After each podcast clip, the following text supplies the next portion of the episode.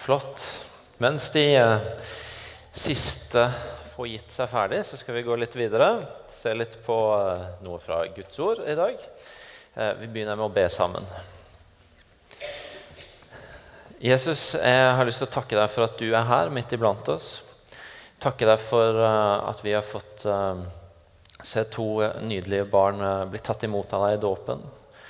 Takke deg for mennesker som er nye her i dag. Og takke deg for at vi får komme sammen etter en lang sommer som din familie, og både møte du og hverandre igjen. Nå ber jeg deg, Hellige Ånd, om at du skal komme og puste liv i ordet, sånn at når vi samler oss om ditt ord, så blir det til liv for oss, og det blir noe vi kan leve på i uka som kommer. Amen. Hva gjør vi når folk utfordrer oss? Når folk stiller oss til ansvar for noe, eller sender noen ord inn i livet våre som eh, ikke bare stryker oss med håra, og bare bekrefter den retninga vi er på vei i? En av de mest oppmuntrende tinga jeg har hørt i sommer Det kan hende noen av dere har hørt det via andre eh, kanaler, men det er en historie som kom inn til meg på SMS eh, i starten av sommerferien. En, en, her i kirka som var på en festival et annet sted i landet, og traff der en fyr som fortalte en historie han fikk lov til å dele, og som han sendte på SMS til meg. Og Det er da om en gutt som forteller om at jeg blei frelst som 20-åring, men drakk allerede da mye. Var inne i kriminelle miljø og mye rus. Var borte fra alt et år, men begynte å gli ut igjen. Flytta til Oslo med kjæresten min. Vi var samboere, men kjente det var feil og flytta ut. Da eskalerte det igjen, og det var mye rus og kriminalitet. Så endte jeg opp i Stavanger for å bygge et hus for en drugdealer i Stavanger. Noen av, når jeg har lest denne historien før, har spurt hva en drugdealer er. Det er da en som handler med narkotika. Når det var ferdig, så skulle han på en båt til Karibien. Han var ganske rusa, og så møter han ei fra Imi-kirka som var med på bønn på gata. Hun spurte om hun kunne be for han, og når hun ba, så fikk hun et bilde til han. Hun sa, 'Jeg ser en stor båt, og den må du ikke gå på. Du skal en annen vei.' Og Da tok han i stedet en båt nordover og har etter det møtet levd med Jesus i tre år. Det er flott? Ja. Noen ganger så kommer det noen sånne stemmer inn i livet vårt og som utfordrer oss på å ta en annen retning, på å snu om på noen ting. Dette var en veldig dramatisk historie. Andre ganger er det kanskje ikke fullt så dramatisk. Jeg har mange sånne historier i mitt liv og kan huske tilbake på noen av dem. Eh, jeg husker veldig godt for en åtte-ni år siden jeg satt på kafé med to kamerater og kollegaer som er litt eldre enn meg. Og det var faktisk her i Stavanger. Jeg bodde i Oslo da, men vi hadde vært på en konferanse her i kirka. og Satt og oppsummerte og prata om løst og fast etterpå. Eh, og plutselig så bare setter disse to kompisene sånn at jeg tenker de må ha planlagt det, eh, øya sine i meg, og begynner å utfordre meg på noen ting i livet mitt. Uh, og Det var definitivt ikke bare å stryke medhårs en del av de tinga de sa. De var ganske direkte og ganske utfordrende. Uh, men jeg var trygge på dem. Jeg visste at de ville meg godt. Uh, og det at de sa det de sa da, og det at jeg hørte det, og begynte å ta noen grep rundt det. Det høster jeg fruktene av i livet mitt den dag i dag, åtte-ni år seinere. Det at jeg fikk ei utfordring inn i livet mitt som, jeg, som noen torde å si til meg, og som jeg valgte å høre på, det bærer fortsatt frukt i mitt liv. Hvis du har fulgt litt med i nyhetsbildet i Norge denne uka, så har du hørt ord som handler om ansvar. Om å ta ansvar, om å ha ansvar. Om hva det betyr, eh, og hva det vil si. Eh, å ha ansvar og ta ansvar og bli holdt ansvarlig. Det er blitt lagt fram en rapport etter hendelsene 22.07. i fjor. Eh, og det har kommet fram mange ting som godt kunne vært bedre og annerledes. Og det har blitt en debatt om hva det vil si, hva, hva de funnene vil si, hvilke konsekvenser de får, og ikke minst så har et av spørsmåla som har begynt å rulle i mediene, vært hvem tar ansvar? Hva vil det si å ta ansvar? Hvem holdes ansvarlig for dette? Må noen gi fra seg ansvaret sitt? Eller må noen holde på ansvaret sitt og lære av det de nettopp har hørt? Jeg skal ikke kommentere den saken nærmere i talen i dag. Det får være oss lytte oss inn på og gjøre oss opp en mening. Eh, men jeg har lyst til å snakke om det med å bli holdt ansvarlig. Kanskje kan noen av oss, når vi følger den debatten, kjenne oss litt dratt mellom. På den ene sida at vi, vi, vil jo at folk skal få nye sjanser, skal få nye muligheter. Og på den andre sida kan vi kanskje kjenne oss dratt av litt sånn den kollektive eh, aggresjonen som bygges opp, om at her må det jo få noen konsekvenser. Her må noen ta ansvar for det som har skjedd. Og spørsmål om det å ta ansvar om ansvarlighet, det angår alle av oss. Det er ikke kanskje heldigvis så mange av oss som blir statsministre. Eh, og de fleste av oss slipper òg kanskje heldigvis å måtte stå til rette for ting vi har sagt og gjort i avisene. Eh, selv om til og med noen blant oss har måttet gjøre det òg denne uka. Vi har Hun som var med og døpte eh, de to barna i dag, har måttet skrive leserinnlegg denne uka pga. en andakt hun har skrevet i Aftenbladet. Så av og til må vi eh, svare for oss offentlig òg. Men de fleste av oss slipper en god del av det. Men de fleste av oss slipper ikke å bli utfordra og bli holdt ansvarlig på ting som vi sier og gjør. På valg vi tar, på mønster i livet våre, på ting vi sier, på hvordan vi opptrer. Eh, vi blir utfordra på det av og til av lederne våre, av kollegene våre, av vennene våre, av familien vår. Vi får spørsmål til ting vi har gjort, eh, og ting vi har sagt og ting vi har valgt. Og Hvis vi aldri opplever at det skjer, så er det kanskje grunn til å være litt urolig. Og Det skal jeg si litt mer om seinere. Det er sånn at Jesus han er helten vår i denne kirka og forhåpentligvis i de fleste andre kirker. Det er han vi ser til når vi søker å forstå noe i vårt eget liv og noe i verden rundt oss. Det er han vi går til når vi trenger trøst, når vi trenger hjelp, når vi, når vi har utfordringer. Det er han vi spør etter og ser på når vi kjenner at nå trenger jeg livet mitt retning. Nå trenger jeg å finne ut hvor går de neste stega, hvor går veien. Og Når vi ser på livet til Jesus, så ser vi at på den ene sida i livet hans så er det massevis av disse nådefulle orda. Altså sånne gode ord som, som f.eks. sier ting som at 'Kom til meg når du strever, og så skal jeg gi deg hvile'. Eller vi ser hvordan Jesus er villig til å stoppe opp når han møter noen som har det vondt, noen som har det vanskelig. Og Så lytter han til dem, og han ser på dem, han fester blikket sitt på dem. Og han gir de gjerne et ord å gå videre med. Han gir de kanskje en helbredelse. Han møter de, og han stopper opp på en del steder hvor ikke andre stopper opp. Han er villig til å se de ingen andre bryr seg om. Han er villig til å lytte til folk som kanskje har måttet tie stille om ting i livet sitt i mange år. Han er villig til å være der når mennesker trenger det.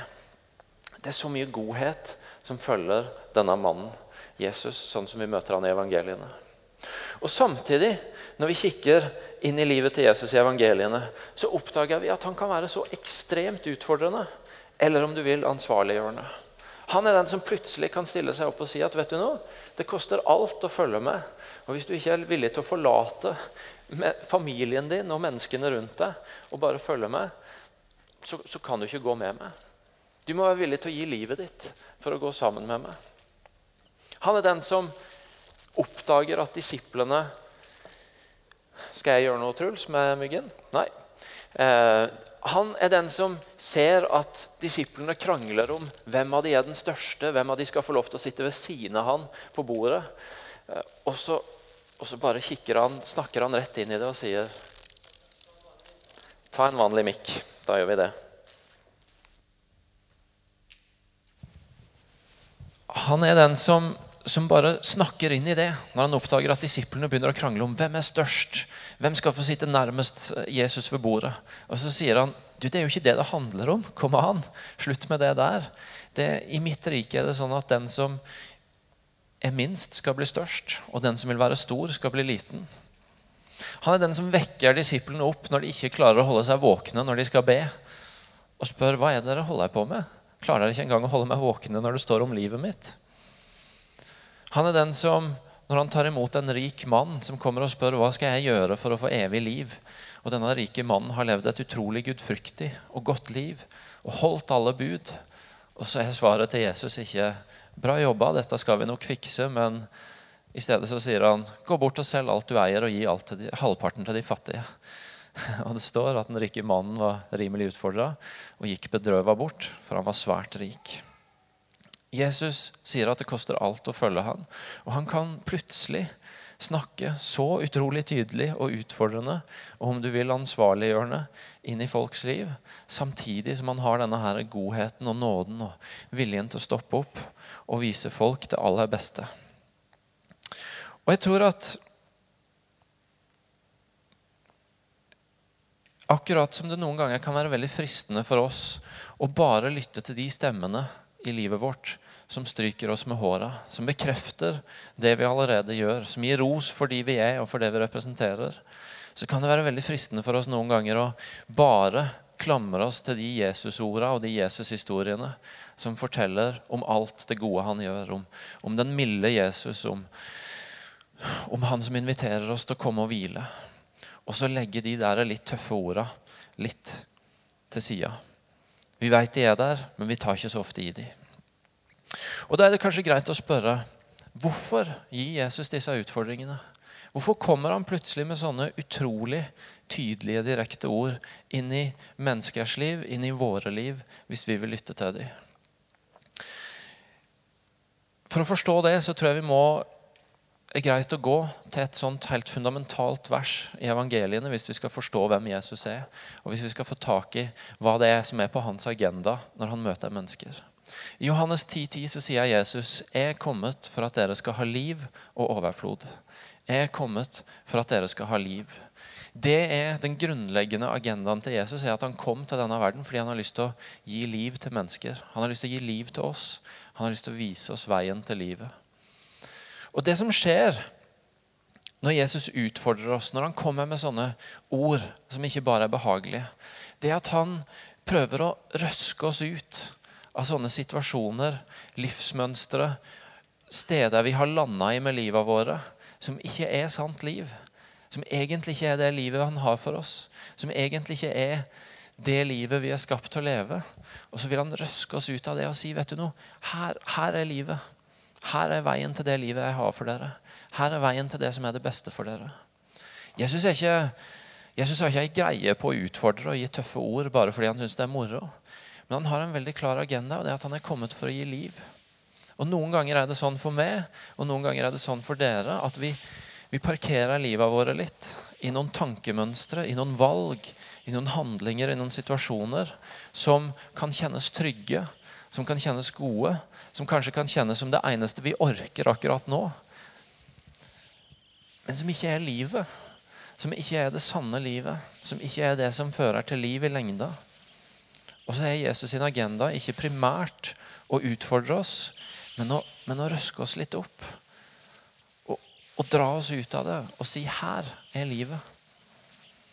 Det er av og Så der forsvant den lyden òg. Der kom han igjen. Det er av og til sånn at uh, når vi hører ord fra Jesus, hvis vi virkelig tar dem på alvor, så får det oss til å vende om, som det heter. Det får oss til å skifte retning. Og det er fordi Jesus peker på livet.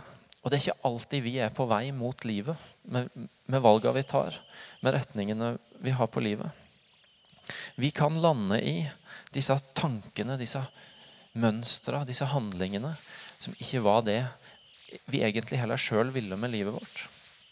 Jeg har nylig nettopp vært i en sånn, hatt en sånn litt utfordrende situasjon i livet mitt. Og, og noe av det som, det som holdt på å skje inni meg, det var at jeg begynte å bygge opp forsvarsverk.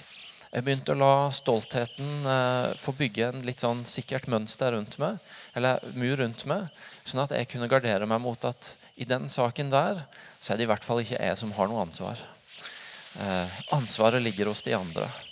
Og jeg begynte å både plassere ansvar der og tenke noen av mine tanker om hva jeg hvis jeg skulle være dønn ærlig. Jeg liker jo ikke å si det høyt, men inni meg så fikk det lov til å spille litt ut. Noen tanker om hvordan jeg egentlig håpa det skulle gå for de eh, for, på grunn av den situasjonen. Og det var først når jeg begynte å stille dette her spørsmålet som jeg tror Jesus lærer oss å spille, nemlig, stille, nemlig hva er mitt ansvar i dette? Hva lærer jeg av det? Hva er min utfordring i dette? At hjertet mitt begynte å skifte. At hjertet mitt begynte å komme tilbake til liv igjen på det området. Eh, og ha holdninger og ha eh, valg som var sunne valg, som var valg som det var bare preg av livet i. Og vi trenger av og til å få de der utfordringene inn i livet vårt. De der spørsmåla som gjør at hjertet vårt må snu seg litt rundt. Og så begynner det å leve igjen på steder hvor vi har begynt å bygge forsvarsverker i stedet. Forrige uke så talte Martin utrolig bra om relasjoner på, på, gudstjenesten på kvelden. Hvis du ikke har hørt den, så anbefaler jeg deg å gå inn på nettsidene våre eller på iTunes og få tak i den. Eh, for den var glimrende. Og Da snakka han om relasjoner, han snakka om relasjonen til Gud og han snakka om vår relasjon til andre mennesker. Om hvor livsviktig relasjoner er for at vi mennesker skal ha det godt. Se her, nå kommer det stadig nye leveranser.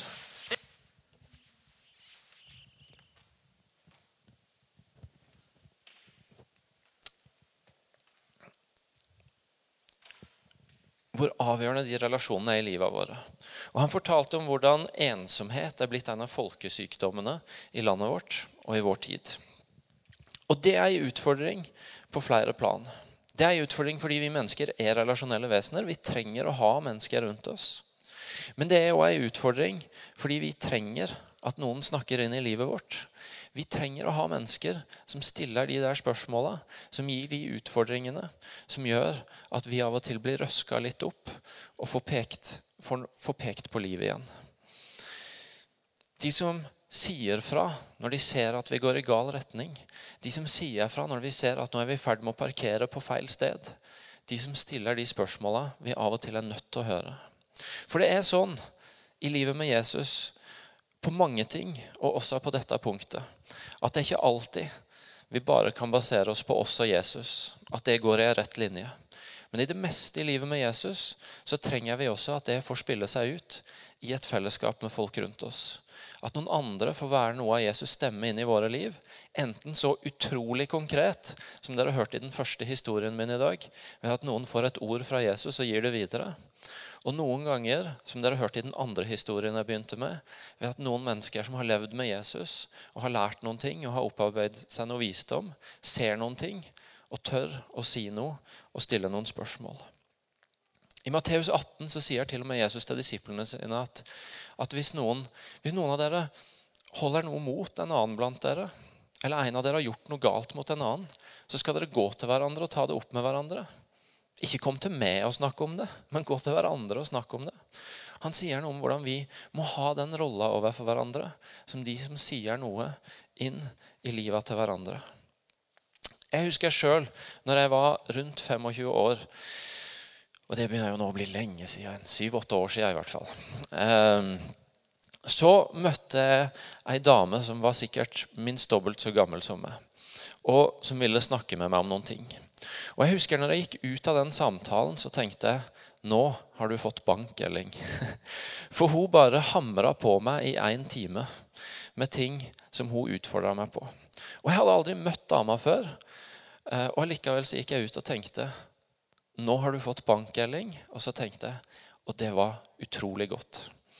Og Grunnen til at det var så bra, det er ikke fordi jeg liker å få bank, men det er fordi det var en av mine første opplevelser av at et voksent menneske som jeg skjønte at ville meg godt Jeg skjønte at den eneste agendaen hun hadde, var at hun ville ha meg nærmere Jesus. Torde å si ifra om ting i livet mitt som ingen andre før hadde tort å si ifra om. Som andre folk bare hadde klappa på skuldra og sagt det, det er fint, det. Stå på. Du er en flott guttelling. Vi heier på deg var det deilig at det endelig var et voksent menneske som sa vet du noe, dette her er du nødt til å gjøre noe med. Dette her må du ha fokus på. Dette her er ikke holdbart i lengda. Jeg skjønte at hun ville meg vel, og jeg tog, hørte utfordringene, og det var utrolig godt. Relasjon og muligheten for å snakke inn i hverandres liv er nødt til å gå hånd i hånd.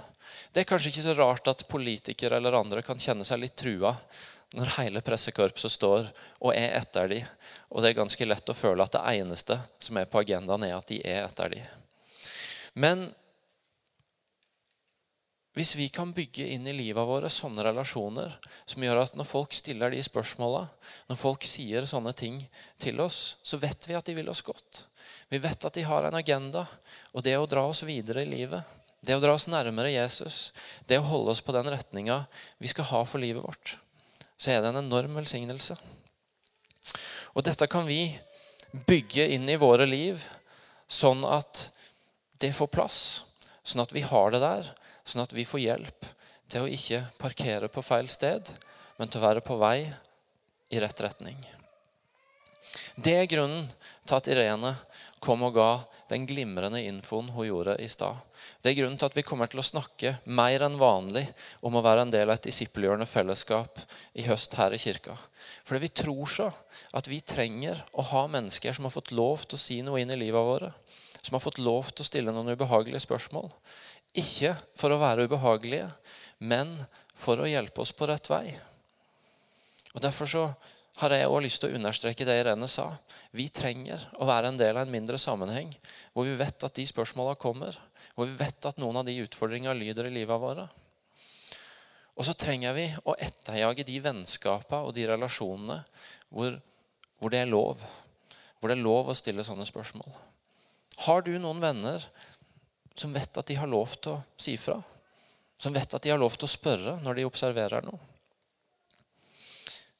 Jeg tror de fleste av oss som har levd lite grann, vet at, og noen av dere har levd mye lenger enn meg, vet at det er ikke så enkelt alltid som at bare vi har noen venner, så, så sier vi ting til hverandre som vi tenker på. Mange ganger så blir vi usikre og vet ikke helt er det greit at jeg sier fra om det. Tør jeg å stille det spørsmålet?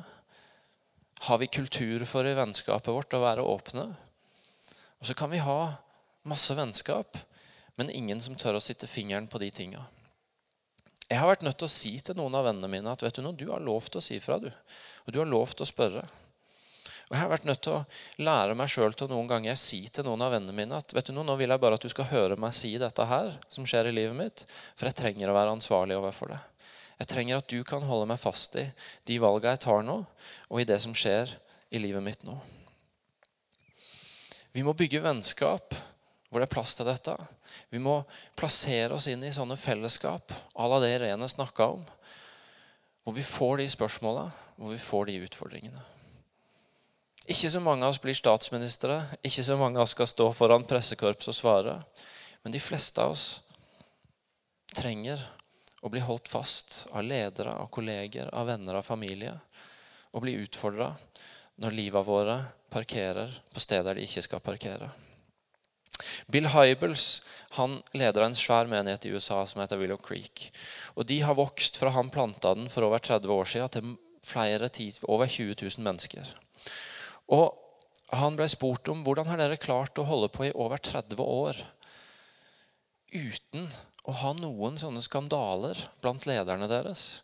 Uten at noe skikkelige feil har skjedd blant lederne deres. For det er jo ganske vanlig at ledere faller innimellom. Og så sier han hele veien så har vi hatt en kultur av ansvarliggjøring. Veldig ofte er det sånn at når, når ting vokser, og når en har suksess, så blir det mindre ansvarliggjøring, for da har jo folk lykkes. Og da stiller vi mindre spørsmål til dem. Men vi har heller tenkt at jo mer vi lykkes, jo bedre vi gjør det, jo mer ansvarlighet må vi ha. Og han mener at det er grunnen til at det har gått så bra. Min enkle utfordring til meg sjøl, til dere, til oss i dag er har du noen som snakker inn i livet ditt? Har du noen som stiller deg de spørsmåla? Har du noen som lar Jesus stemme av en utfordring lyde for deg når du trenger det? Og så er dagens oppmuntring til meg og til dere og til oss at poenget er ikke ansvarliggjøring. Poenget er ikke de ubehagelige spørsmåla, men poenget er, poenget er liv. Agendaen til Jesus er at vi skal ha liv. Og når han utfordrer, og når han lar noen andre utfordre oss, og bruker andre til å utfordre oss, så er det fordi han vil gi oss liv. Han vil røske oss ut, og han vil si 'Her er livet'. Gå på den veien. Våkne opp der hvor du har landa på feil sted. Han vil liv. Han kom for å gi oss liv. Han ga sitt eget liv for at jeg og du skulle ha liv. Skal vi reise oss og be sammen? Jesus, jeg, jeg, har lyst til å takke deg for at din agenda er liv. Og jeg har lyst til å takke deg for at midt eh, i en hverdag Og midt i ei uke hvor vi har hørt masse om ansvar og ubehagelige spørsmål og hva det innebærer, så kan vi også inn i våre liv få høre spørsmål fra du som er trygge, fordi vi vet at du vil oss godt. Det er en relasjon i bånd, og vi vet at du ikke er ute etter å ta oss, men du er ute etter å peke på livet vårt. Jeg ber deg om at du skal få lov til å snakke inn i livet vårt nå, her og nå i dag. Og jeg ber deg om at du skal hjelpe oss alle til å se hvordan den stemmen kan få plass i livet vårt. Gjennom vennskap, gjennom fellesskap, gjennom de stedene hvor det er trygt for oss å høre at noen sier fra når vi er på vei i feil retning. Ingen av oss her inne klarer oss på egen hånd. Men alle av oss har ganske gode sjanser når du er på laget vårt, og når vi har andre mennesker med på laget vårt. Så jeg ber deg om at idet vi starter dette semesteret, så kaller du oss inn til relasjoner, til vennskap og til fellesskap som skal få hjelpe oss til å leve livet sånn som du har skapt oss til. Minn oss på akkurat nå hva det betyr inn i våre liv. Tal til oss om de menneskene, tal til oss om de fellesskapene som du ser at vi trenger å høre til i for å være på rett vei. Nå lar vi det bare være litt stille, og så kan du høre om Jesus minner du om noen vennskap eller om noen valg du skal ta i forhold til fellesskap, som gjør at stemmer av liv, utfordrende stemmer, men livets stemmer, skal få sin plass inn i din hverdag.